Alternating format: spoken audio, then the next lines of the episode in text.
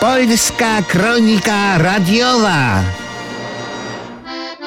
Polskie rodziny są bogatsze, ujawnił tę bolesną dla opozycji prawdę szef NBP Glapiński, który podniósł wszystkim Polakom stopy.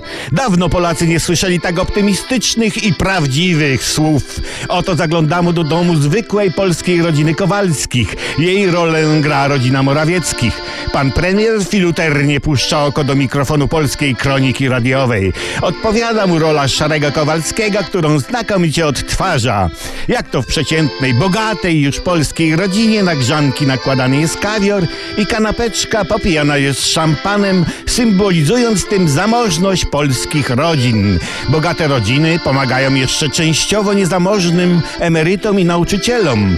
Na śmietniku można znaleźć coraz więcej cennych produktów żywnościowych i przemysłowych. Emerytka Janina z Szyderczyna tryska uśmiechem na rozradowanej twarzy. Znalazła na śmietniku mikser. Niby nie działa, ale można się pochwalić przed sąsiadkami cennym nabytkiem. A ta promieniująca nauczycielka Stanisława ze Śmiesznej, ona z kolei znalazła na wysypisko obok przyszłej elektrowni atomowej opakowanie po margarynie. Jeszcze da się coś wygrzebać z tego na kolację, mówi nam zadowolona. Złe i zacięte twarze opozycji znakomicie odzwierciedlają sukcesy rządu, szczególnie w walce z niegroźną tymczasową inflacją i drożyzną, która jednak nie dotyka Polaków, chyba że pójdą na zakupy.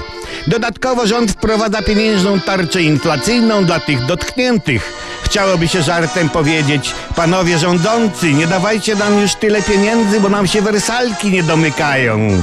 Wielkość naszego rządu ocenia się po efektach, które są imponujące.